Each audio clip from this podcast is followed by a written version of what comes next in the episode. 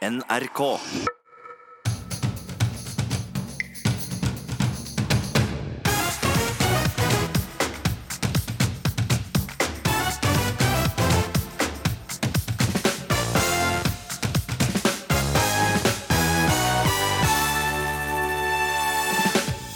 De er unge og vil bli verdens beste fotballspillere, men er smertelig klar over forskjellene på kvinnelige og mannlige spillere. Det er veldig sjelden at kvinner lever av bare fotball, liksom. En privat aktør håver inn alle billettinntektene på Nordkapp. Umoralsk, mener Nordlys-redaktør, som utfordrer kommunen til å rette opp gammel urett. Og det smalt ved hydrogenstasjonen i Bærum på mandag. Vi møter forskeren som er overraska, og hydrogenbileieren som nå må rasjonere på bilkjøringa. Og artist arrangerer toppløs aksjon etter at en kvinne ble vist bort fra en badestrand. Jeg nekter å la andre mennesker begrense min livskvalitet.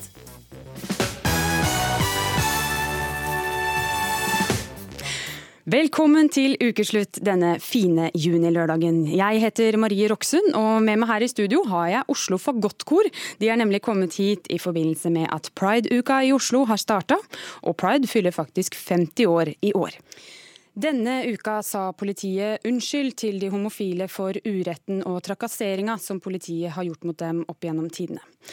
Unnskyld er jo et vanskelig ord, men nå skal vi få god hjelp av, god hjelp av Oslo Fagottkor, som på kort varsel, må sies, har tatt vår utfordring om å synge nettopp denne låta.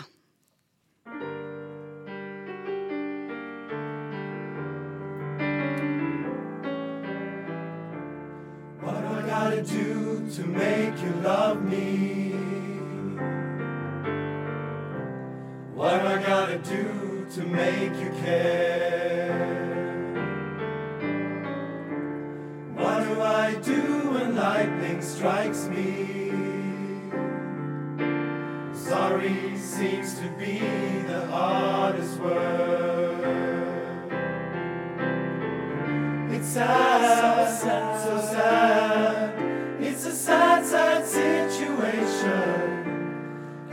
Getting more and more absurd. It's sad, so sad. Why can't we talk it over? Oh, it seems to me that sorry seems to be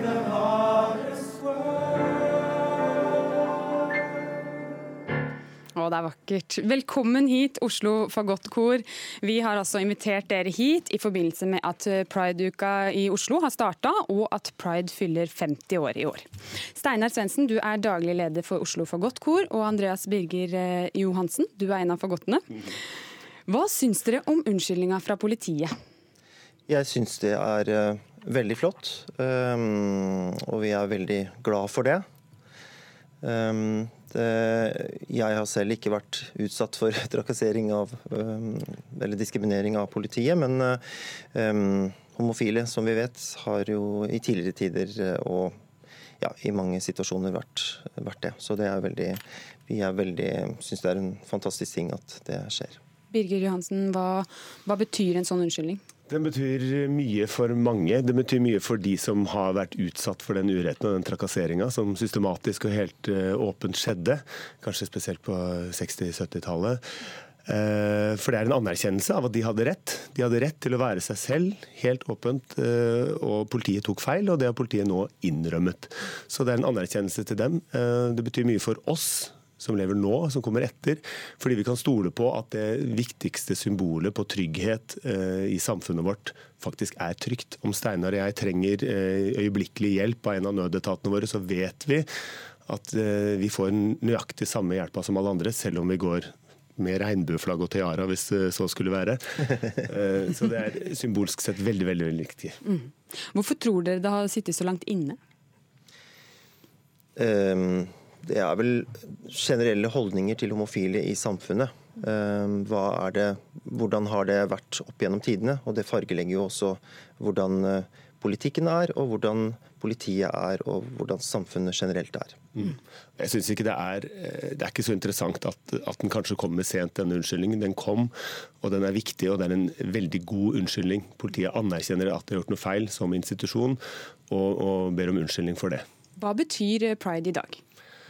Og Pride i dag er jo, en, det er jo ikke en uh, feiring av homofili, det er en feiring av alt, av mangfoldet. LHBT-bevegelsen omfatter jo alle typer mennesker, av alle legninger uh, og alle seksuelle orienteringer. Så uh, det er en frihetsfeiring, rett og slett, som er ekstra viktig i 2019 når vi ser at eh, andre land sliter med eh, utvikling som går i feil retning, rett og slett. Med høyrepopulisme på fremmarsj, eh, mer ekstremisme.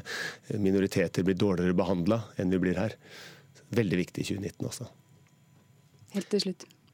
Ja, eh, nei det er kjempeviktig fordi eh, vi kjemper for retten, alt det Andreas sier. Um, og vi kjemper for retten for å, at alle skal bli behandla for den de er, og ikke bli diskriminert av uh, ja, pga. fordommer, for å si det enkelt. Mm. Mm. Og nå eh, spiller dere altså en forestilling som heter For godt til filmen. Mm.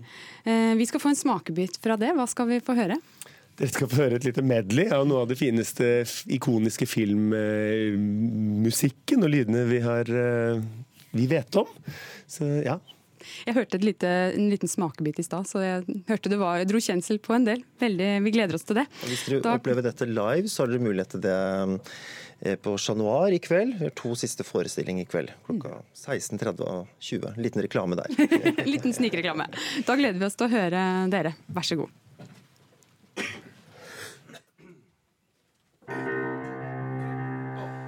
Tusen,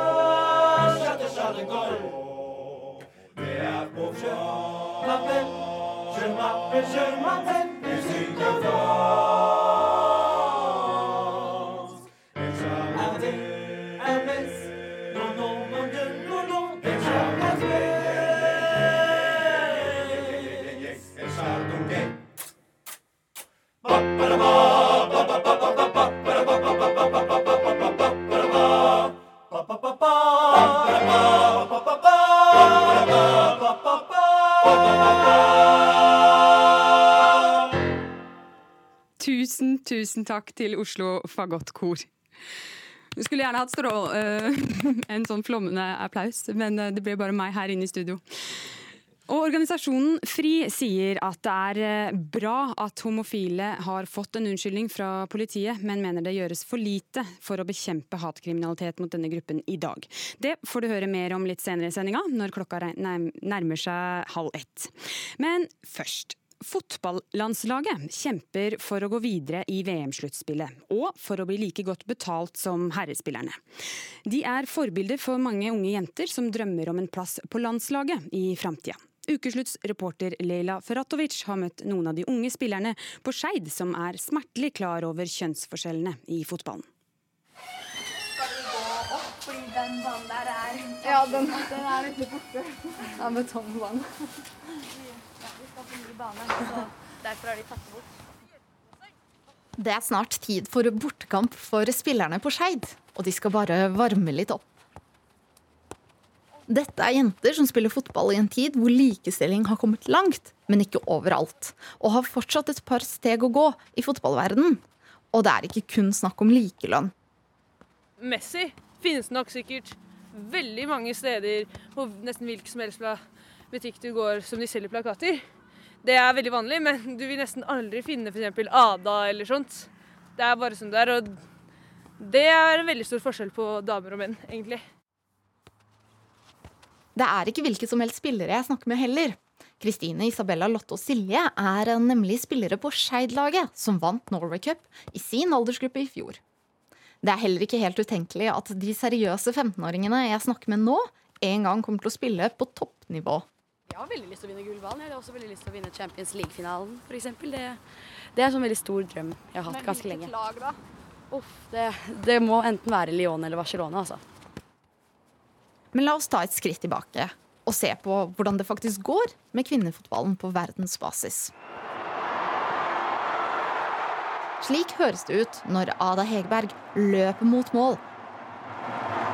Kommer seg unna en motspiller i full fart og skårer i Champions League-finalen mot Barcelona. Like etter fikk hun, som første kvinne, gullballen. For selv om lave tilskuertall og laber interesse for kvinnefotballen preger den norske serien, blir det faktisk smått bedre på internasjonalt nivå. Uefa har f.eks. lansert en strategi for kvinnefotballen som har som mål å bygge opp fra grasrotnivå. Storklubber som Lyon og Barcelona opplever stadig høyere tilskuertall. Og ikke minst er ambisjonene høye hos unge fotballspillere som de på Skeid. Ja, men se så gode vi er nå. Da vi bare fortsette å utvikle oss, så blir vi verdens beste. Kvinnen tjener jo mindre, da. Vi har tatt en tur ned til garderoben hvor jentene har tilbrakt utallige timer før og etter trening. Selv om det har blitt bedre, så tjener jo fortsatt kvinnene ikke like mye. Jentene er klare på at eh, det er mye som er bra med kvinnefotballen, men det gjenstår fortsatt en del. De kan jo ikke eh, det, er, det er veldig sjelden at kvinner lever av bare fotball, liksom. Tilbake på fotballbanen tilbyr jentene klare løsninger på hvordan situasjonen for kvinnefotballen kan bli enda bedre. Det er vel kanskje viktig til jenter som er i ungdomsfasen, da.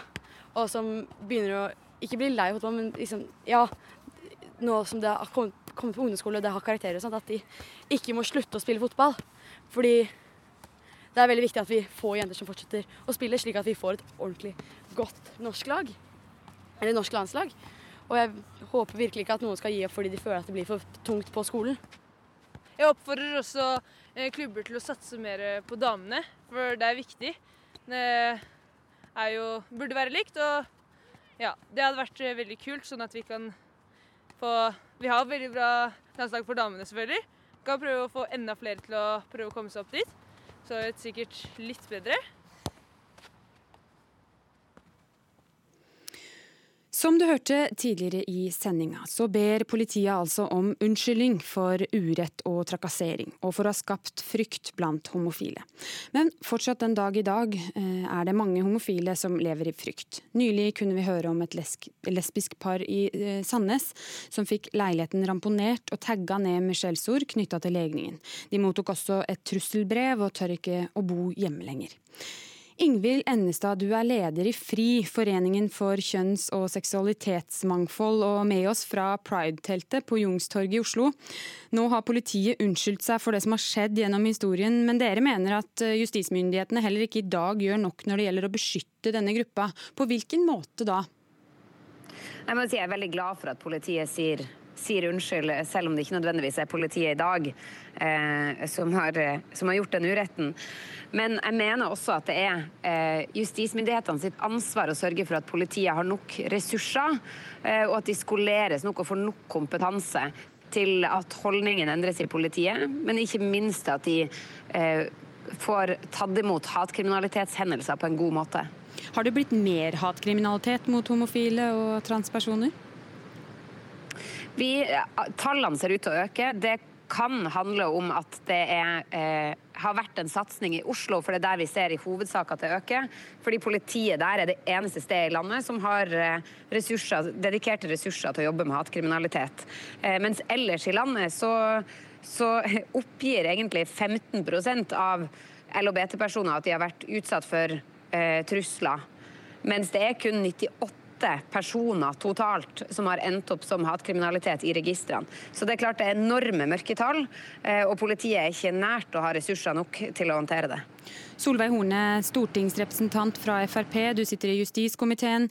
Hvor alvorlig er problemet med hatkriminalitet mot den gruppa vi snakker om her?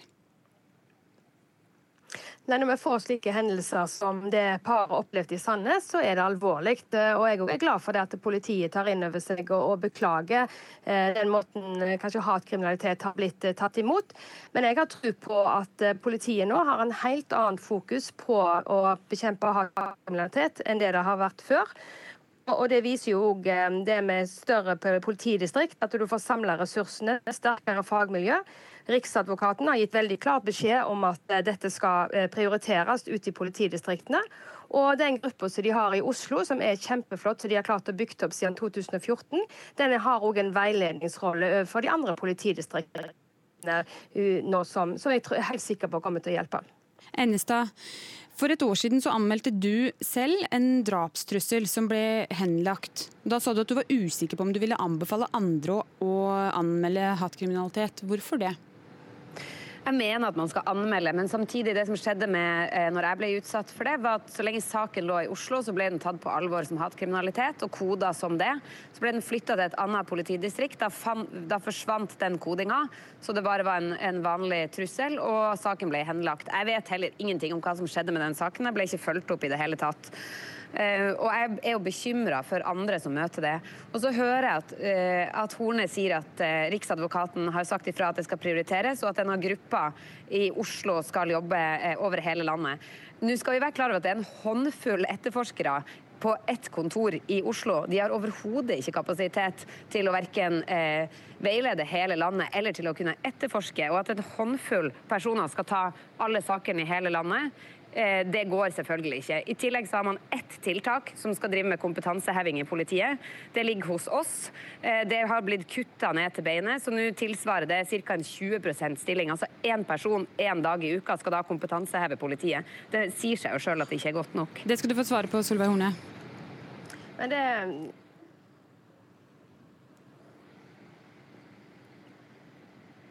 Vær så god, Solveig Horne.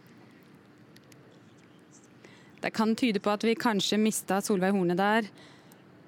Det kan høres sånn ut. Uh, Ingvild Ennestad, uh, kan du si noe mer om For du sier at eller Horne uh, sier at det høres ut som at regjeringen gjør mye, men du mener altså at ikke det er bra nok?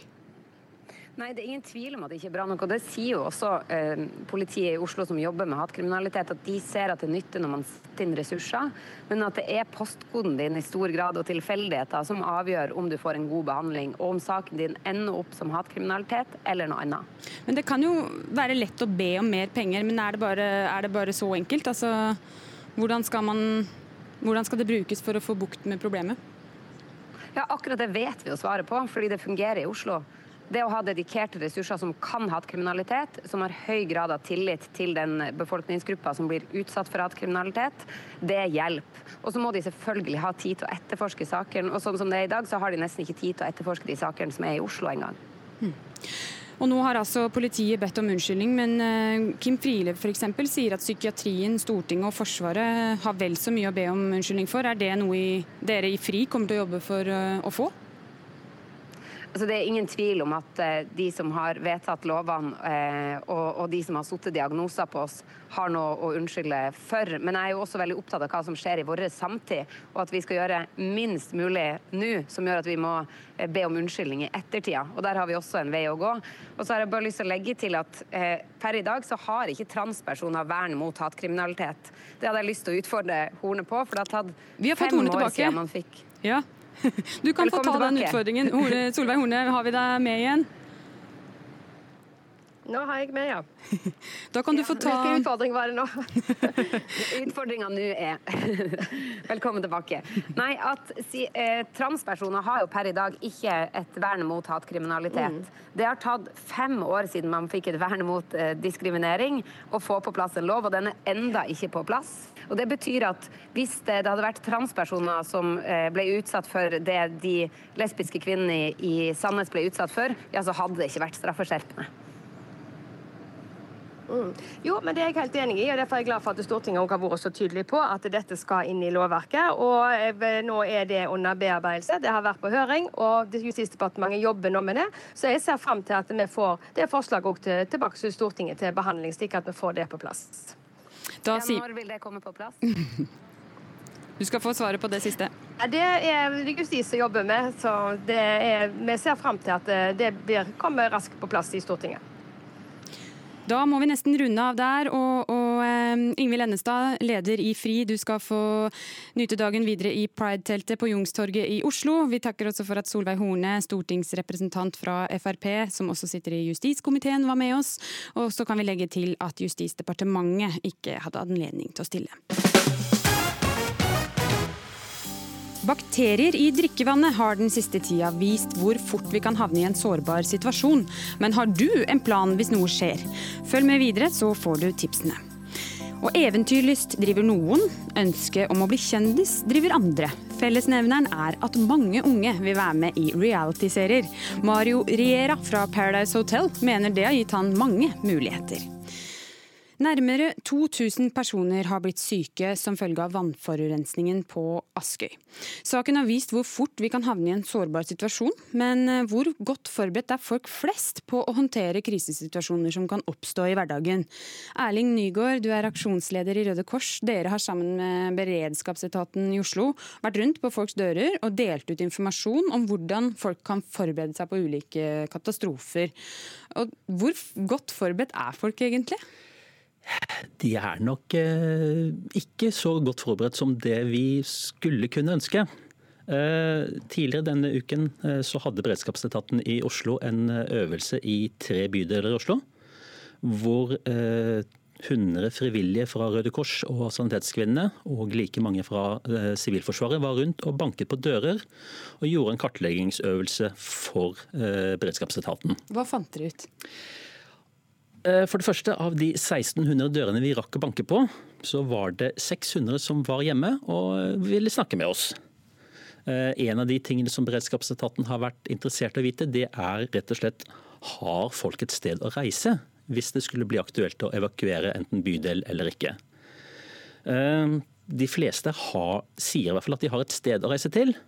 Og de fleste mener også selv at de kan måtte bruke sin egen bil for å reise. Mm. Men nå er jo dette et veldig enkelt spørsmål om bare å ha noen venner. Eh, og det å være mer beredt på at noe skal skje, det er vi vel litt mindre sikre på om folk faktisk er. Men noe kan skje. Hva er det som kan skje? Det er jo Det å evakuere en bydel er jo en ganske dramatisk hendelse. Og Det vi ser for oss da, det er jo ting som f.eks. et terrorangrep på deler av byen. Eh, med altså dirty, som heter dirty bombs. Eh, Hva betyr det? Eh, radioaktive bomber, altså ikke atombomber, men vanlige springbomber som har med radioaktivt avfall. Eller det kan være skogbranner. Eller kanskje ting som farlig gods på vei og jernbane. Eh, for de som f.eks. husker Lillestrøm-ulykken i år 2000. Mm. Og da, da kan det være aktuelt å evakuere i hvert fall deler av byen.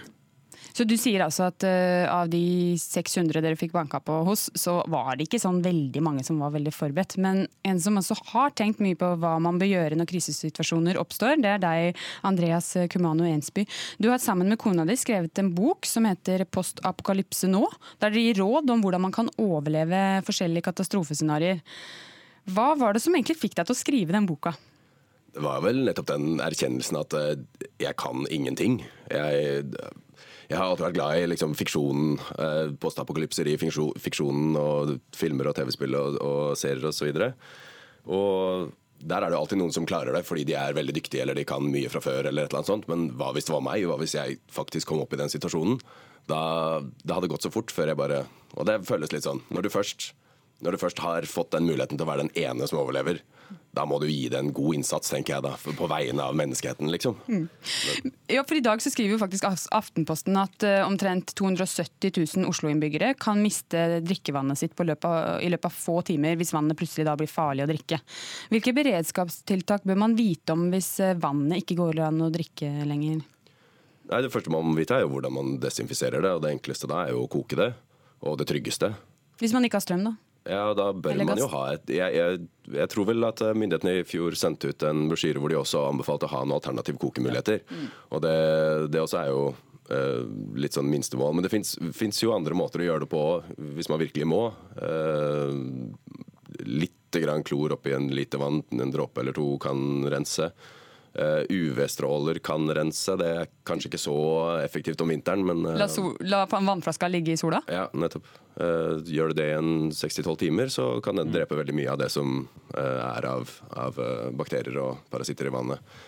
og så har du filtrering, og hvis det blir, hvis det blir skittent, så finnes det jo veldig mye filtreringsprodukter og sugerør og diverse som man gjerne har med på tur, men det går altså an å lage det selv hvis man har en flaske med og kull og sand og gress og, og sånne ting.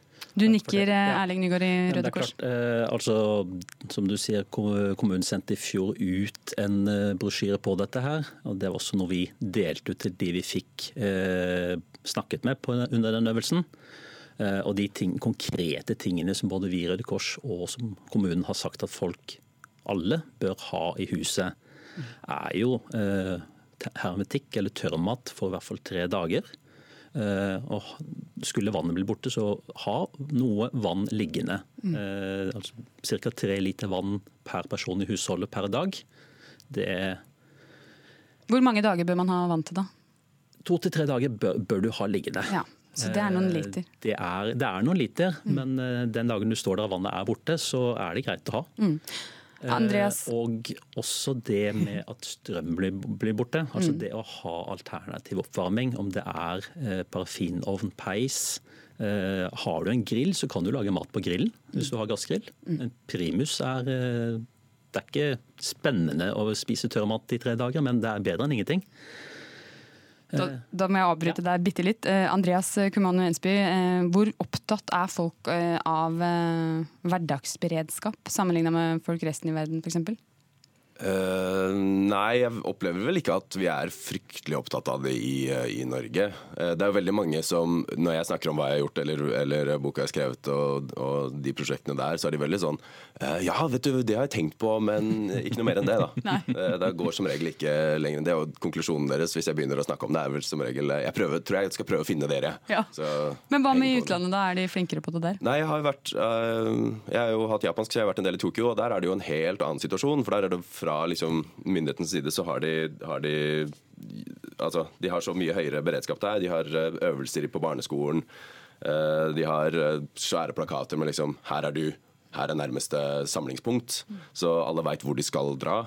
Og de har jo gjort analyser på Og de har jo erfart det også, men de har gjort uh, analyser på OK, hvis det skjer et uh, jordskjelv av åtte mm. i styrke åtte, så vil da så og så mange bygninger rase. De vil være i disse områdene. Uh, de vet hvor mange personer som sitter i heisen på akkurat det tidspunktet. Mm. enten det er klokka åtte på morgenen, og da er det så og så mange på i, i på kontorene og så, og så mange hjemme, sånn at de vet hvor de skal rykke ut. Og sånne ting. Og hvor mange jeg tror det er 17 millioner liter vann de trenger eh, per døgn, og så er det 34 millioner rasjoner med mat osv. Så, videre. så de er, de er de har et helt sånn annet system for det der. Altså. De er godt forberedt, med andre ord. eh, Altså, japanerne har jo et annen historikk, og de, de, er, som du sier, de har en helt annen risiko også enn det vi har her i landet. Så vi, vi i Norge er nok litt bortsett med at ting er stabilt. Det er i hvert fall en, eh, en god trøst, da. Tusen takk til dere, Erling Nygaard og Andreas Kumanu Ensby. Kunne du tenkt deg å være med på reality-TV? Det er det nemlig veldig mange unge som kunne tenkt seg. En undersøkelse eh, gjort av Norstat for NRK viser at 31% av unge mellom 15 og 25 år har lyst til å være med i en reality-serie. Noen fordi de er eventyrlystne, andre fordi de har bare lyst til å bli kjendis. Reporter Hina Jail har snakka med unge folk om hva de mener om det å bli reality-kjendis. Vil du bli en reality-kjendis? Ja, fordi det ser gøy ut. Og em, ikke at jeg kanskje tror at jeg har det mest innholdsrike livet, men em, det ser ut som en veldig enkel måte å tjene penger på. Hva tror du er grunnen til at eh, unge folk eh, ønsker å være med på sånt? Som det liksom blir framstilt i media i dag, da, så virker det jo ganske gøy. da. Eller det, sånn, For noen så kan det virke gøy, og det kan jo virke interessant å liksom få den anerkjennelsen, da. Men det er ikke noe for deg? Nei, det er det ikke. Du er stygg, du er feig, du er black. Hva faen? Du drar det håret og tror du er deilig. Du er ikke en dritt, bitch. Bare hør her. Det å være kjent høres vanskelig ut. Du har mye press på deg med å være god rollemodell, og det er ikke noe jeg hadde hatt særlig lyst til. Hvis du f.eks. var en reality-kjendis, hva tror du det hadde betydd for deg? Jeg tror det ikke hadde betydd så veldig mye. Jeg tror jeg hadde blitt litt sånn ensom og sånn. Det er det inntrykket jeg har fått. At du på en måte bare blir en sånn liten boble som fortsetter livet ditt. Gaute Grøtta Grav, du er programleder i Farmen og den første Farmen-vinneren. Reality-TV var fortsatt veldig nytt da du eh, var med i Farmen i 2001. Eh, hva var det som var grunnen til at du ville være med? Og det var veldig enkelt. Eventyrlyst. Uh, Snakka med bestemor mi om at ting var så vanskelig før, og jeg trodde vel ikke helt på det. Og da kom det plutselig en mulighet på at jeg kunne gå 100 år tilbake i tid og leve sånn som forfedrene våre gjorde, og da sa jeg ja til det. Og uh, konklusjonen var veldig raskt at det var verre før. Men vi var, altså, hele gjengen var jo veldig innstilt på at dette skulle være et eventyr. For det var ikke sånn at uh, vi visste at det skulle bli en suksess, og premien var jo ikke klar engang. Så de 12-14 stykker som dro inn, var klar for å oppleve det eventyret som det var. Og så har det kanskje endra seg litt etter den tid, da. For at jeg jobber jo med Farmen nå, og ser jo det at flere og flere som søker, søker kanskje fordi at eh, den kjendisstatusen eller Instagram-følgerne eller Tinder-statusen skal bli litt større. Denne sjekkeappen, sjekkeappen, for de som ikke vet hva Tinder er. Men ja, for det, Du sier altså at det var eventyrlysten, og det er jo det mange unge sier. Og Det andre er det å bli kjendis, som du også nevner. Men trodde du at du skulle bli kjendis da du meldte deg på? Ja, Det var veldig lite fokus. Det som var veldig spesielt med Farmen det året jeg var med, for 100 år siden, holdt jeg på å si, i 2001, det var at eh, Farmen ble sendt nesten samtidig som vi var på gården. Som gikk inn helt ukjente og kom ut til et voldsomt trykk. Heldigvis, vil jeg si, så fantes det ikke Facebook da, det fantes ikke Instagram og de sosiale mediene, og likevel så opplevde vi et voldsomt trykk eh, på gata, uansett hvor vi gikk hen. Og det var et slags lite sjokk, ikke sant. Men så eh, valgte vi å gå den veien videre og fortsatte å jobbe i TV, og har da på en måte prøvd å distansere meg litt fra det kjendislivet, men heller fokusert mer på det innholdslivet. Da. Og det er jo det som jeg håper at flere tenker på, for det å være kjendis i seg sjøl har fryktelig liten verdi. Mario Riera, du, er, du var deltaker i den nylig avslutta Paradise Hotel-sesongen. Du har jo fått eh, 90 000 følgere på Ja, Instagram. det stemmer. Eh, Hvorfor eh, ville du være med på Paradise Hotel? Det er faktisk litt samme som det Gaute sier. Det var eventyrlysten jeg tenkte på. Å være litt utenfor det A4-livet og gjøre litt ting som faktisk tenker OK, bare grip denne muligheten. Men det var ikke du som meldte deg på sjøl? Nei, det var noen kompiser som mente at eh, jeg hadde passet veldig bra inn på Paradise, så da meldte de meg på, og så ringte de til intervju, og da hev jeg meg på intervju, og så plutselig var jeg i Mexico. Så de fikk rett, da, for du kom jo helt til finalen. Ja, jeg gikk fra dag én helt til finalen, så de hadde ganske rett at jeg var en jeg vet ikke en typisk Paradise-deltaker, men jeg var en eh, god deltaker. Og, og du har altså da um på en måte oppnådd det du ville, fordi nå har du jo tenkt å kanskje leve litt av dette framover? Ja, Planen med dette var jo at når jeg først eh, var der, var å gå 100% inn for det. Bare gi alt og faktisk bare melke dette helt ut. Og Det gikk veldig bra på Instagram, og jeg har startet en blogg, og den bloggen går veldig bra. Så nå fortsetter jeg med dette, så håper jeg det går bra videre. Da må jeg bare spørre, Hva var det du egentlig hadde tenkt å bli? Egentlig hadde jeg tenkt å bli brannmann. Å, ja, før dette. før så hadde jeg, ja, ja, da hadde jeg lyst til å bli brannmann eller sykepleier, og det har jeg fortsatt lyst til å bli. Så vi får se hvordan det går skjer i framtiden. Mm. Gaute Grøtta Grav, hva er det dere ser etter når dere velger ut eh, deltakere til Farmen? Du, Vi ser det er mange forskjellige typer, da. men de vi på en måte prøver å luke litt ut, er de som har den veldig kjendisdrømmen. For de syns det er morsomt å bli filma i ei uke kanskje, eller tre dager, og så er jeg fornøyd og fått dosa si. Eh, Farmen varer nesten tre måneder, og det er knallhardt hver dag. Og har du ikke en enorm motivasjon for å stå det løpet ut, så trekker folk seg. Og det er ikke vi interessert i, for det er det verste jeg vet når folk trekker seg. For det er, det er rett og slett trist for seerne, det er trist for deltakerne og trist for oss. Og ikke minst trist for de 6000 som har søkt og ikke fått plass. Så vi er veldig opptatt av å finne folk som har motivasjonen, da, enten for å vinne, for eventyret, eller for å overvinne en angst, f.eks. Sånn som Mario sier nå, at han ble meldt på av andre, jeg tenker jo er et sånn sunnhetstegn, egentlig, da, at han ikke søkte den oppmerksomheten sjøl.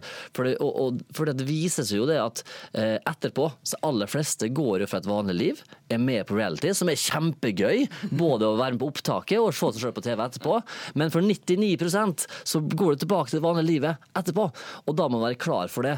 Eh, mange har nok en litt urealistisk forventning til hva som skjer etterpå, eh, for det virker jo som at alle ringer det hele tida akkurat når programmet eh, går på lufta. Men idet finalen er sendt og lyset skrudd av, så blir det mørkt. Og det blir mørkt i sinnet òg for veldig mange. Og sorgprosessen eh, kan være ganske voldsom, da. Både for Farmen-deltakere og sikkert for Paradise-deltakere. Ja, Mario Riera, du er jo, det er to uker du har vært hjemme nå, er det ikke det? En- 22 uker har jeg vært hjemme. Jeg har vært hjemme i veldig mange uker. Men det er to uker altså, siden, siden eh, programmet- altså, finalen ble sendt, ja.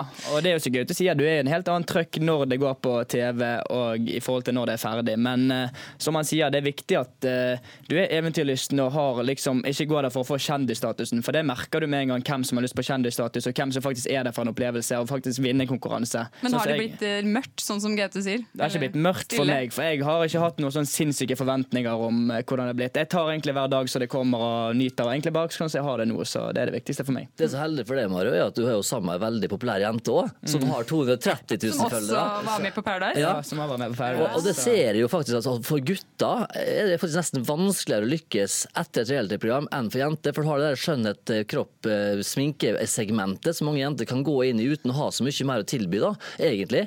I, nok en periode, da. Og det har jeg kunnet gjort helt siden Marilyn Monroe sin tid, liksom. Eh, Så jenter har fått et segment der noen år, mens de er som unge og friske. Men så har du gutter da, som ikke kan bare by på det. Da må du enten ha samme ei kul jente som er på LPM, eller du kan ha et talent. Og, så, og Mario har, han er jo en lystløgner og morsom. Han, var du, gjorde en veldig, altså, du var en veldig tydelig karakter på Paradise. Og så kommer tida nå, da. Nå må du vise noe mer enn det. Og da vet jeg at du har liksom planer og sånn, og så vet jeg at du har backup-plan med den sy- sykepleierutdanninga. Det tror jeg er veldig sunt, da. Ja. Ja. En av to. Mm. Men helt til slutt, Grete Gutta Grav, du som driver med casting, altså at man velger ut deltakere og sånne ting. Eh, Kan du forstå foreldre som blir litt bekymra hvis barna sier sånn jeg skal bli reality-program-deltaker, og det er alt jeg vil bli.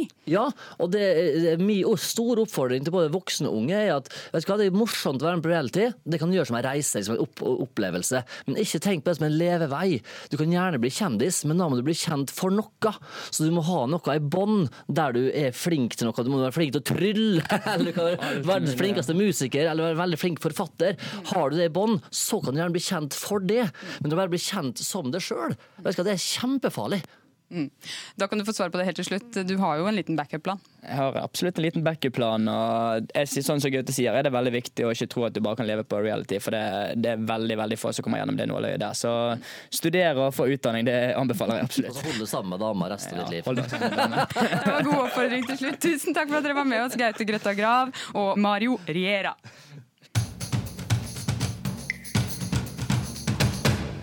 Da er klokka ett, og vi skal ha et nyhetssammendrag. Tone Nordahl, og vi starter i Trondheim. Ja, Der er støttespillerne til en afghansk familie sinte og fortvilte etter at familien ble hentet av politiet klokka fem i dag tidlig. Familien Abbasi hadde fått endelig avslag på sin søknad om opphold.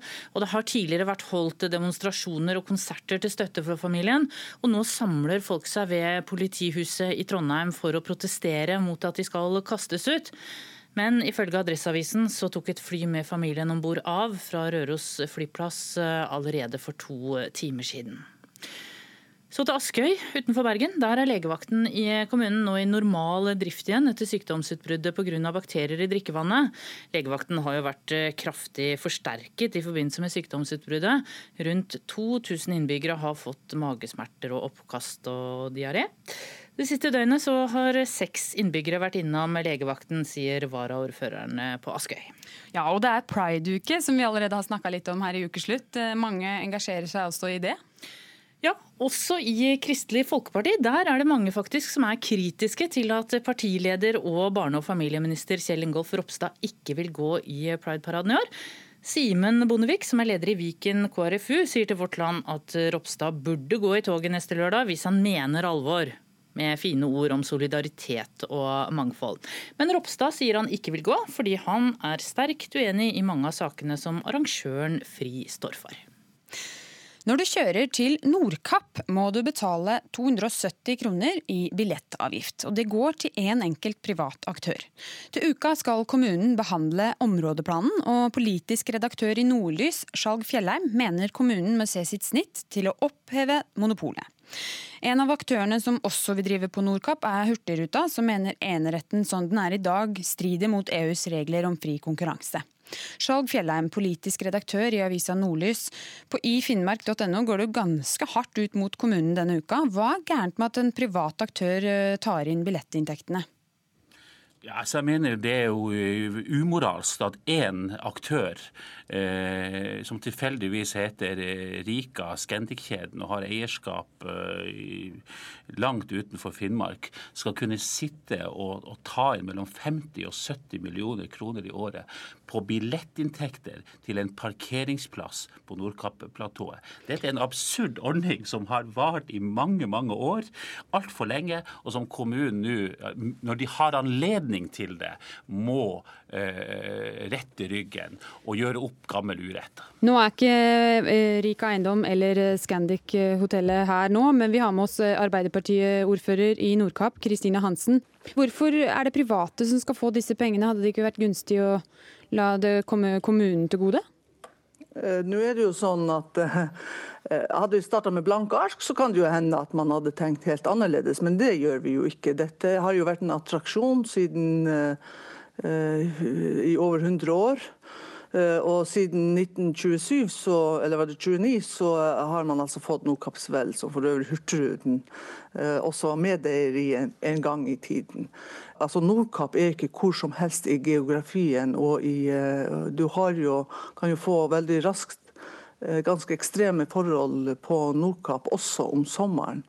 Så det har alltid vært sånn at det har vært et erkjent behov. At, er, uh, at man må få, kunne få folk innomhus. Også den gangen det bare var noen få turister. Så det at man har hatt en bygning på Nordkapp som kan ivareta folk og sikkerhet, Eh, det har man hatt alltid, så lenge det har vært nordkapitalisme nordkappturisme omtrent. Ja, Fjellheim... Nok ikke på 1500-tallet, men, men, eh, men på nytt, siden tidlig 1900-tall. Fjellheim, dette er jo en lang tradisjon. Ja, men Dette handler jo ikke om dette hotellet som står i dag, og den bygningsmassen som, som står her i dag, og som, som, Rika og Scandic har etablert der. Det, det, det, er jo ingen som forlanger at den skal fjernes, eller at Rika sin og Scandic-kjeden sin aktivitet på Nordkapp-platået skal opphøre. Det dette handler om, er å slippe til flere aktører. Fjerne denne bommen eh, som står foran Nordkapp-platået i dag, som gjør at du må betale flere hundre kroner for å komme inn eh, på et et offentlig areal. Eh, og Det er jo det som er kjerna i denne saken. Altså Allmennheten sin frie tilgang til dette området og slippe å betale. Eh, og eh, Det er jo bemerkelsesverdig at, at Nordkapp Arbeiderparti, som har styrt Nordkapp helt siden 1947 sammenhengende, opprinnelig ønska for kort tid siden å uh, omregulere dette området i denne, i denne uh, nye områdeplanen da, fra uh, privat til offentlig bruk. Og så har man snudd i løpet av kort tid, og mange spør seg om hva er det som gjør at ordfører Kristina Hansen og Nordkapp Arbeiderparti har snudd i denne viktige saken? Hansen, da skal du få svare på det. Altså, for det første så har jo planprosessen vært en prosess. Dette, vi, vi har jo nå ut det tredje Eh, tredje forslag til eh, plan. eh, det er helt riktig som Sjalk Fjellheim sier, at eh, det har vært også et utkast som eh, hadde eh, enkelte områder her eh, med en O foran. eh, Som da Altså O for, gått- eh, offentlig? For offentlig, som man har gått bort ifra. Eh, Det som er, de som ønsker offentlige uteområder, det er friluftsinteressene. Eh, Og For oss så er jo eh, dette eh, først og fremst næringsinteresser. og Sånn som jeg hører Skjalg Fjellheim, så mener jo også han at dette skal være næringsinteresser, regulert for næringsinteresser i området. Og Der mener Arbeiderpartiet at det skal være for næringsformål. For oss er det viktig å ivareta både lokalt næringsliv og arbeidsplasser. Men, eh, men ordfører og eh. Kristine Hansen, du sa tidligere nå at hadde vi starta på nye blanke ark, men nå er det jo eh, Dere skal behandle områdeplanen 20.6. Da kan, kunne dere valgt å ta en litt annen retning? Ja, det, men, men eh, altså, private aktører har jo rettigheter. Ja, men Det er, i argumentet at det har alltid bare vært sånn? Det, men, eh, men det er jo noen juridiske betraktninger her. Men jeg syns ikke de juridiske argumentene er det viktigste. Det viktigste er jo, skal vi ha dette som et eh, friluftsområde som, som eh, vi ikke skal eh, ha noen inntektsstrøm på, slik vi alltid har hatt det, eller, eller skal det faktisk være et næringsområde? Fjellheim, eh, helt til slutt. Ja, Det har vært eh, møter mellom Nordkapp kommune og, og Rika Scandic som, med, referater som offentligheten ikke får tilgang til. Det finnes juridiske vurderinger, rapporter, betenkninger eh, som åpenbart eh, ordføreren har lagt stor vekt på, men som vi ikke får innsyn i. Allmennheten får ikke se disse juridiske betenkningene som gjør at man nå ikke vil eh, eh, regulere dette til offentlige formål. Og Spørsmålet er jo om man her har blitt så redde for å bli saksøkt av en stor og mektig eh, reiselivsaktør i Sør-Norge at man rett og slett har blitt, eh, blitt eh, redde. Kristine Hansen, er dere lettskremte? Nei, over, overhodet ikke. Og, og det er veldig lettvint å, å, peke på at noe er hemmelig, noe, eller at noe ikke er offentlig, for å si det sånn. Det er heller ikke det det dreier seg om. Det dreier seg om at vi oppe på NOKAP har et konsept der det måtte ha vært gjort investeringer, eh, og det må betales for. Og det er jo en del av sikkerheten til gjestene skal komme. Eh, men, i Men området hvorfor kan ikke det offentliggjøres, eh, Hansen? Det er jo friluftsinteresse. fordi da vil eh, han, altså, Sjag Fjellheim snakker jo om allemannsretten. Eh, Og allemannsretten handler jo da om at, eh, at man skal ha gratis tilgang. Og det er jo det eh, de som ønsker de, at det skal være offentlige formål, de ønsker også at det skal være gratis å komme på noe. Jeg syns det er helt utrolig. da Unnskyld meg, men men ja. hør Det du ikke forstår, det er jo at Nordkapphallen og attraksjonen er ett konsept. Og Hvis vi begynner å løsrive det fra hverandre, så har vi eh, så har vi andre utfordringer som kanskje ikke er altså det, det får jo konsekvenser. Ja, men Hva slags konsekvenser er det det får? Det er jo ingen som har tenkt å rive det hotellet som står der i dag. Jeg mener det måtte være en stor gunst for Nordkapp-samfunnet å slippe til flere reiselivsaktører med stor næringsaktivitet i egen kommune på dette, denne fantastiske attraksjonen, og ikke gi én aktør monopol. Nei, dette er en absurd uh, sak. Jeg blir rett og slett ikke klok på hva slags strategiske overveininger det kommunen gjør her. Det må jeg si. Men hør nå, men hør nå, lokalt så diskuterer vi ikke altså Denne debatten som Skjalg Fjellheim ønsker røyst, den er for så vidt uh, rele høyst relevant. Uh, den har vi kanskje lagt bak oss her lokalt. Det vi diskuterer lokalt, det er hvorvidt, hvorvidt eh, det skal være offentlige formål eh, på, foran hallen og bak hallen, eller det ikke skal hørt. være offentlige formål. Det har vi fått med oss. Da gjenstår det bare å se hva som skjer førstkommende torsdag 20.6, når dere skal behandle områdeplanen for Nordkapp-platået. Takk til dere, Skjalg Fjellheim, politisk redaktør i Nordlys, og Kristine Hansen, Arbeiderpartiordfører i Nordkapp kommune. Er du en av de som har tenkt å kaste BH-toppen i sommer? Reporter Gry Veiby spurte damer om når de sola seg toppløse sist. Jeg har ikke pådratt toppløs i Norge, det har vært når jeg har vært i Syden på 90-tallet. Gjør ikke det lenger. Men det kommer kanskje an på alderen òg. Ja, men det er litt sånn samme. Ikke i Norge. Jeg har vært i utlandet på ferie, så har det vært greit. Men, eller hvis jeg er alene, helt aleine. Tror ikke at det er moten lenger, holdt jeg på å si. Først og fremst så har det jo med egen følelse om man syns det er greit å bade toppløs eller ikke. Um, hvis man får kommentarer, og, så blir det jo litt sånn ugreit, da. Kvinner må nå begynne å kjempe gamle kamper på nytt. Det mener artist Nusisve Bakwa, som ble så provosert av saken i Dagsavisen om kvinnen som bada toppløs på en strand i Oslo og ble vist bort, at hun like greit skal arrangere sin egen toppløsaksjon. Åh, det her er grusomt! Det regner og er i grunnen litt kaldt. Sanger og artist Nosisve Bakwa må gire seg opp for det hun snart skal gjøre. Men la oss ta det fra starten. Om jeg er ved et sted ved vann som det er greit å bade i, og det er varmt, og jeg har lyst til å bade, og jeg kanskje ikke har med meg badedrakt, for jeg bærer ikke på den i veska 24-7, da bader jeg. Jeg gidder ikke å være med på at det er et problem, for det er ikke det. For da hun leste om kvinnen som ble vist bort fra en badestrand fordi hun bada toppløs, ble hun provosert. Og selv om vekteren siden la seg flat og beklaga det hele, mener nå Sisve det handler om noe større. Jeg nekter å la andre mennesker begrense min livskvalitet.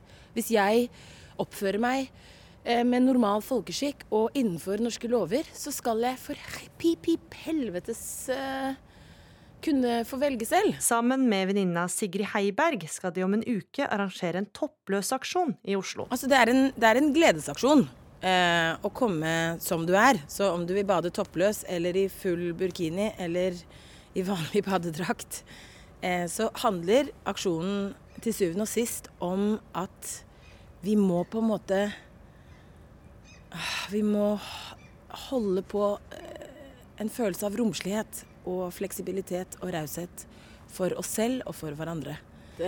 Sigrid, jeg ser at du ikke er sjokkert. Eksklusivt for ukeslutt har de lova å kaste klærne og kaste seg toppløse ut i vannet. Jeg har med håndkle, og jeg har ikke med annet enn trusa jeg tok på i dag tidlig. Jeg skal bade i den. Var det litt ekkelt for NRK? Kan du bade, så skal jeg bade. Ja, så bra. Ja. Men, og dette er jo en typisk situasjon, egentlig. Fordi hadde det vært fint hver dag, så kunne du faktisk tenkt tenke seg at vi skulle bade helt frivillig. Mm. Og så skal vi rett videre på jobb, og så skal jeg rett videre på festejobb. Og skal du da liksom gå rundt med våt bh hele dagen, eller bare tar du med deg en ekstra truse i veska, og så skifter du etterpå? Ja. Det er ikke vits å gå rundt med ekstra våt bh i veska hele dagen. Hvem vinner på det, liksom? ja, hvem vinner på det? For hva skjedde egentlig? Hvorfor ser vi ikke lenger damer som med den største selvfølgelighet bader eller soler seg toppløs? Pupper ute var sånn som, som, som mødre drev med. Uh, ja, litt på privaten hjemme. Jeg synes at det er litt grann besynderlig altså at det behandles som om dette er noe nytt at folk lar være. Det er jo ikke det. Det er de siste 30 åra at folk har latt være. Det sier eh, journalist i Dagbladet, Oda Rygg, som skrev en kommentar etter det hele. Hun mener det er en selvfølge at vi ikke lenger soler oss toppløse. Det øyeblikket noen tar et bilde av det, så er den konteksten borte. Og den plutselig så eksisterer det på internett. Og en pupp på internett er noe helt annet enn en pupp på strand. Så du mener at kampen er tapt, eller? Nei, men, men eh, vi, det er et sterkt kulturelt press vi lever i. Altså, vi, vi kan ikke liksom eh, frakoble oss fra samfunnet eh, som, som, sådan. Eh, og det er, det er, mye som altså, vi, vi, klarte egentlig aldri å avseksualisere puppen. Hva vil du si til dem som vil kaste sommertoppen? Ja, go ahead. Det er jo fullstendig lov. Jeg har jo absolutt ingen verken problemer med det eller Jeg er litt støttende. Man må få lov til å gjøre som man vil med kroppen sin. Uh, så lenge man ikke bryter norsk lov, så er jo det Ja, man skal ikke plage andre, uh, og man skal være grei og snill, osv. Og brune piger og muskelmenn og legende børn danser rundt i ring. Og bestefar sidder i skyggen.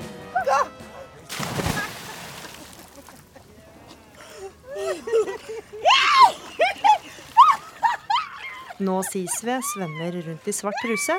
Snart legger også Sigrid på svøm fra stigen. Begge toppløse. Deilig, deilig.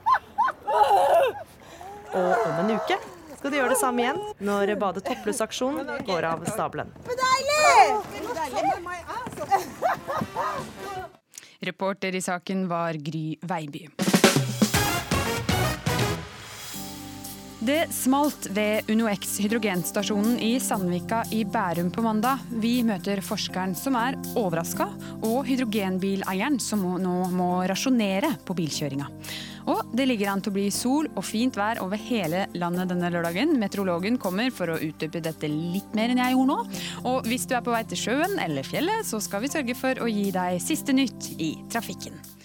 På mandag var det mange som kunne høre et kjempesmell da det eksploderte ved en hydrogenstasjon i Bærum.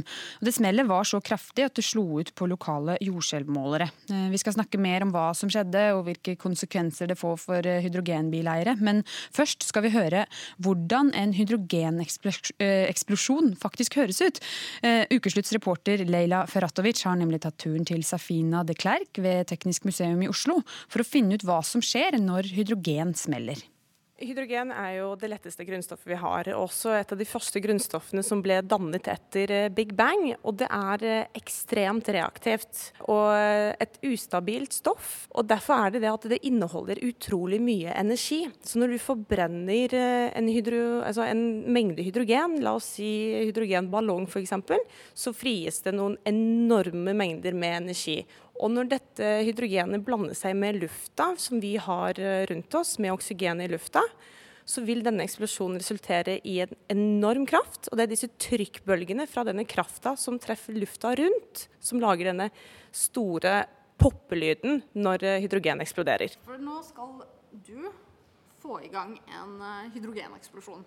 Her har vi hydrogen i en eh, ballong. Denne ballongen skal vi tenne på, og hydrogenet i den ballongen blir da antent øyeblikket det kommer i kontakt med fyrstikkene som jeg har. Eh, dette vil også blande seg med lufta som vi har rundt oss, og da vil du se en stor kule av flamme og høre denne poppelyden av eksplosjonen. Skal vi bare sette i gang? Ja, la oss gjøre det. Oi, oi, oi, oi, oi. Rundt 170 hydrogenbileiere må nå la bilen stå etter at en hydrogenlekkasje ble antent mandag ettermiddag ved en UnoX-stasjon i Sandvika i Bærum kommune. Og Pga. trykkbølger så ble to personer sendt til legevakta i Bærum med mindre skader fordi eh, airbagene ble utløst. Og Fordi man nå ikke får fylt hydrogen, har eh, Toyota og Hundai i Norge midlertidig stoppa utlevering av hydrogenbiler, og fem ruterbusser i Oslo og Akershus som går på hydrogen hydrogen har blitt erstatta. Og vi har hørt eh, denne uka at selve eh, hydrogentankene faktisk er så robuste at du skal eh, kunne skyte på dem med pistol uten å slå hull i dem. Så nå har vi fått tak i en som kan mye om dette feltet. Øystein Ulleberg, du er forskningsleder ved Institutt for eh, energiteknikk. Du ble overraska over at dette kunne skje? Eh, det må jeg si jeg ble, ja. Mm. Hvorfor det? Fordi at eh, man, eh, Når man designer sånne stasjoner, så gjør man jo det etter helt vanlige industrielle standarder. Og man, man designer det med redundans. Det betyr at hvis noe går galt, så har man et tilsystem som måte rydder opp i det. Mm. Og Du var jo også på en konferanse i Loen i Sogn og Fjordane som handla om produksjon av hydrogen. Da regner jeg med at det ble litt snakk om den hendelsen eh, siden dere var der da det skjedde? ja, Det ble ikke sånn veldig mye snakk om det, men akkurat den dagen det skjedde, så pratet vi litt om det. Gjorde det, altså. Vi var ganske overraska. Hva sa folk da? Uh, nei, Vi hadde jo veldig lite informasjon å gå på, så det er veldig vanskelig å egentlig spekulere. Jeg tror de aller fleste var såpass profesjonelle at de ikke spekulerte så mye i det. Men grunnen til at dere blir overraska, er at det er veldig lite sannsynlig. Kan du si noe om risikoen? Uh, ja, altså I, i sånn promiller og sånn, så uh, Vi trenger ikke gå på de detaljene, men, men, det er da designet for at tredjepart ikke skal bli berørt. og Det betyr at det er designet for veldig veldig lav risiko at noe skal skje. Uh, enda lavere risiko enn f.eks. det vi tillater på store installasjoner i Nordsjøen. Mm. Men hva får dette å si for omdømmet til hydrogenbiler f.eks.? Uh, jeg, jeg, tror at når fakta kommer på bordet her, så, eh, så, så, tror jeg egentlig det kommer for en dag at man har faktisk bygget dette på en trygg og, trygg og sikker måte, men at det da har skjedd en veldig sånn uforutsett hendelse som er forklarlig. Det tror jeg. Ja, for nå vet eh, hydrogenselskapet Nell eh, De har jo ikke funnet årsaken til at det skjedde, sier de. Men det er et par teorier som på en måte er frikjent. Kan du si noe mer om det? Ja, bare først da, veldig kort, så har man På den stasjonen der og sånn tilsvarende stasjoner så har man en produksjonsenhet. Den produserer hydrogen på lavt trykk. Så har man et kompressorrom som trykksetter hydrogen. Og så har man lagertanker, og så har man et system med ventiler som leverer til en dispenser. Og Det som, det har ikke skjedd noe i, i hydrogenproduksjonsenheten, heller i dispenseren. Og det har heller ikke vært en eksplosjon i tanken. Så det har jo vært en lekkasje et eller annet sted i rørsystemet, kanskje rundt en ventil, og så har det da lekket noe hydrogen ut. da. Og det er gode nyheter i utgangspunktet, ikke sant? Ja, absolutt. Altså, det man frykter er jo saktelekkasje som man ikke oppdager, så har hydrogengass får akkumulert seg. Her står det fritt og, og, og sånn, og hydrogenet fyker jo til værs. Så det at det har antent, det tyder jo på at det har fått en liten midlertidig akkumulering, og så har det antent. da. Og En av de rundt 170 sjåførene som kjører hydrogenbil her i landet, det er deg, Vegard Frihammer. Du jobber i Greenstat i Bergen, hvor dere utvikler og driver prosjekter som har med bærekraftig energi og teknologi å gjøre, bl.a. hydrogen. Har det blitt mye bilkjøring denne uka? Det har blitt mindre enn vanlig. Men heldigvis for vår del så var vi og fylte på stasjonen her i Bergen på lørdag, så vi hadde full tank. Men vi har måttet innføre en viss rasjonering på bilkjøringen her i familien nå i disse dager. Mm. Og Du var jo en av de første som fikk hydrogenbil på Vestlandet allerede i mars 2017. og Så tok det litt tid før hydrogenstasjonen kom i Bergen. Men du har vært fornøyd med å kjøre hydrogenbil den tiden du har hatt det? Ja, nei, vi var jo tidlig ute og bestilte som du sier, en bil i, i 2017. Og så måtte vi vente noen måneder før stasjonen kom opp og stå. Men fra januar 2018 da, frem til nå så har vi kjørt godt over 20 000 km og opplevd det som trygt og fint. Og, og bilen har dekka behovene både til, til familien vår, og, og vi har jo brukt den i jobbsammenheng i forbindelse med promotering rundt i, i distriktet her. Mm. Men hva tenker du om fremover? Altså, du har ikke blitt skremt til å ikke kjøre hydrogenbil lenger? Jeg tenker at vi må, som Øystein er inne på, få fakta på bordet. og så må vi eh, analysere da, de funnene som blir gjort. Og, og Spesielt på Vestlandet kanskje, så er vi jo vant til, til både olje- og gassindustrien. og da å drive med aktivitet som innebærer en viss risiko, da er vi, er vi vant til. Så jeg tror at vi, vi, skal kunne bygge opp en god hydrogenindustri framover. Men det er klart at dette var et, et midlertidig tilbakesteg. Mm. Ja, for Øystein Ulleberg, kan du si noe om eh, hva som er fordelen med hydrogen? Uh, man sier jo gjerne at uh, egentlig er jo noe som elbilene har tatt litt av, så sier man jo at egentlig er hydrogenbil fremtiden, er det mange som mener. Ja, vi prøver ikke å stigmatisere for mye mellom batteri og hydrogenkjøretøy. Begge deler er elektriske. og Forskjellen er egentlig om du skal ha mye rekkevidde, ha med deg last, tyngre kjøretøyer. Så du kan kort fortalt si at kjører du kort og, og ha muligheten for å lade ofte, sånn, så er jo batteriet egnet. Og skal du kjøre langt og ha med last, så er hydrogen mer egnet. Det er liksom kort fortalt. da. Er det noen som bruker en sammenligning med at man erstatter bensin og diesel for de to?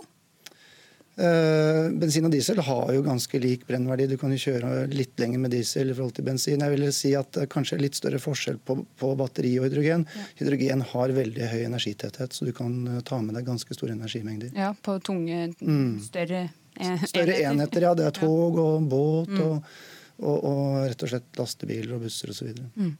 Men eh, Vegard Frihammer, nå som du ikke kan fylle for tiden, men eh, nei, nå som du ikke kan fylle for tiden, tenker du at eh, den dagen du kan fylle igjen, kommer det til å være litt sånn Kommer det til å være litt snev av ubehag, eller hva tenker du om det? Jeg tenker at For min egen del så kommer det nok ikke til å være det, men, men jeg, jeg, jeg, tror at vi kanskje vil tenke oss litt om før vi tar hele familien med inn på stasjonsområdet igjen. At vi, at vi har en litt annen tilnærming. Så nå har vi jo kjørt inn og fylt som på en hvilken som helst annen bensinstasjon. Og, og at vi i en periode bare vil kanskje tenke oss litt mer om. Men, men jeg har jo veldig stor tillit til de aktørene som opererer i, i dette markedet, og at en, en gjør det innenfor eh, på en måte det risikonivået som vi kan akseptere. Så, mm. så vi kommer til å kjøre og fylle så raskt det er mulig. Mm. Og Øystein Ulleberg, helt til slutt. Er det eh, grunn til å tro at det nå vil bli tryggere å fylle i framtida? Altså Alle sånne hendelser tar vi jo med i en sånn slags erfaringsdatabase. Så hvis dette er en hendelse som vi aldri har sett før, så, så lærer vi jo av den. Men hvis det er noe kjent, så, så så, så, er det jo status quo, på en måte. Mm. Ja, og Vi har jo snakka med hydrogenselskapet Nell, og de sier at det er for tidlig å si når man kan begynne å fylle igjen, men de regner med at man vet mer i hvert fall i løpet av neste uke. Tusen takk til dere, Øystein Ulleberg ved Institutt for energiteknikk og Vegard Frihammer i Grinstad. Vi skal ut i trafikken, og først til Akershus, hvor et trafikkuhell på Drammensveien har skapt kø. Trafikkreporter Eivind Stuevold. Ja, stemmer det. Det er rydda nå eh, på Drammensveien ved Blommenholm etter at eh, det var en eh, krasj der i vestgående retning mot Drammen. Det var vel mindre alvorlig enn først frykta. Det ble rydda relativt kjapt, og det ser ut som køen er i ferd med å forsvinne helt der nå. Ellers så er det også rydda på E18 sør for eh, Oslo, eh, ved Svartskog, hvor det var en elgpåkjørsel eh, tidligere. Og så har vi fått tips da fra E6 nord for Oslo om et uhell mellom Berger og Gran i retning mot Gardermoen, men der går trafikken greit forbi. De involverte kjøretøyene er flytta ut til sida av, av veien og står ikke lenger til hinder. Men akkurat nå så melder T-banen om forsinkelser på linje 4 og 5 i Oslo. Signal signaltrøbbel mellom Nydalen og Ullevål stadion, så det er bare å belage seg på at det kan bli sene tog for dem som skal kjøre T-banen i Oslo. Ellers så er det en rolig eh, lørdag ettermiddag i trafikken akkurat nå. Fra Vestlandet skal jeg nevne at eh, det er dirigering på Sotra, fv. 555 vest for Bergen. Der var det en, et vogntog som kjørte av veien tidligere. Trafikken dirigeres forbi, og det blir litt sånn småkøa der. Og meteorolog Terje Alsvik Valle, har du gode nyheter til oss her i dag? Det har jeg. Det er en veldig fin dag eh, i dag. På lørdag så er det jo sommerlig og fint over store deler av landet. Så det er veldig mange som gleder seg over fint vær i dag. Men det er ikke alle som det vil vare så lenge for. Derfor gjelder det å nyte den dagen i dag med fint vær over det aller meste av landet. Med sol både nord og sør, og det er noen skyer som eh, lokalt eh, forekommer i den nordlige Trøndelag og deler av Helgeland, men eh, bortsett fra det så er det også sol så å si overalt nå. Og så er det også noen skyer på gang inn fra sør mot Sørland nå de første timene. Og fra sent ettermiddag eller i kveld så kommer det regn der, og etter hvert også i Rogaland og utover sen ettermiddag og kveld. I morgen søndag så beveger disse skyene seg og litt regn seg videre nordover i Telemark og til Østlandet og Vestlandet. Men det går mot lettere vær igjen i morgen ettermiddag, først da i sørlige områder. Og På Sørlandet og sør på Vestlandet så blir det lettere vær allerede i morgen formiddag, og solen viser seg etter hvert. Og I Møre og Romsdal kommer eh, regnet først i morgen ettermiddag eh, og videre utover dagen fra ettermiddagen av, altså i, i Møre og Romsdal. Generelt eh, rolig vindforhold med frisk bris eller mindre, men vinden øker til sørvestlig liten kuling på kysten øst for Kristiansand i morgen ettermiddag. I Nordland så blir det pent vær stort sett i morgen. Skyer kan forekomme på kysten av Troms, ellers mye pent der altså. Og I Trøndelag så blir det stort sett eh, pent vær til å begynne med, men det skyer til fra sør etter hvert, og til kvelden litt regn i sør. Finnmark stort sett skyer i ytre strøk og sol i indre strøk. Periode med vestlig liten kuling på kysten. Og på Spitsbergen stort sett skyet vær og nordvestlig kuling på de utsatte stedene. Det er eh, fine temperaturer mange steder i landet i dag. Tromsø har nå 15 grader, Trondheim 19. Bergen er kommet opp i 23 grader klokken ett. Kristiansand 21. Oslo-Blindern har akkurat nå 24 grader og varmest i landet foreløpig i dag. Kongsvinger med ca. 25 grader. Ikke verst. Takk til deg, meteorolog Terje Alsvik Valløen. Og med det er ukeslutt ved veis ende. Det er Mathias Bergseth, Brage Berglund og Linn Beate Gabrielsen som har vært ansvarlig for sendinga. Espen Hansen har tatt seg av det tekniske. Og jeg, Marie Roksund, vil takke veldig mye for følget. God lørdag!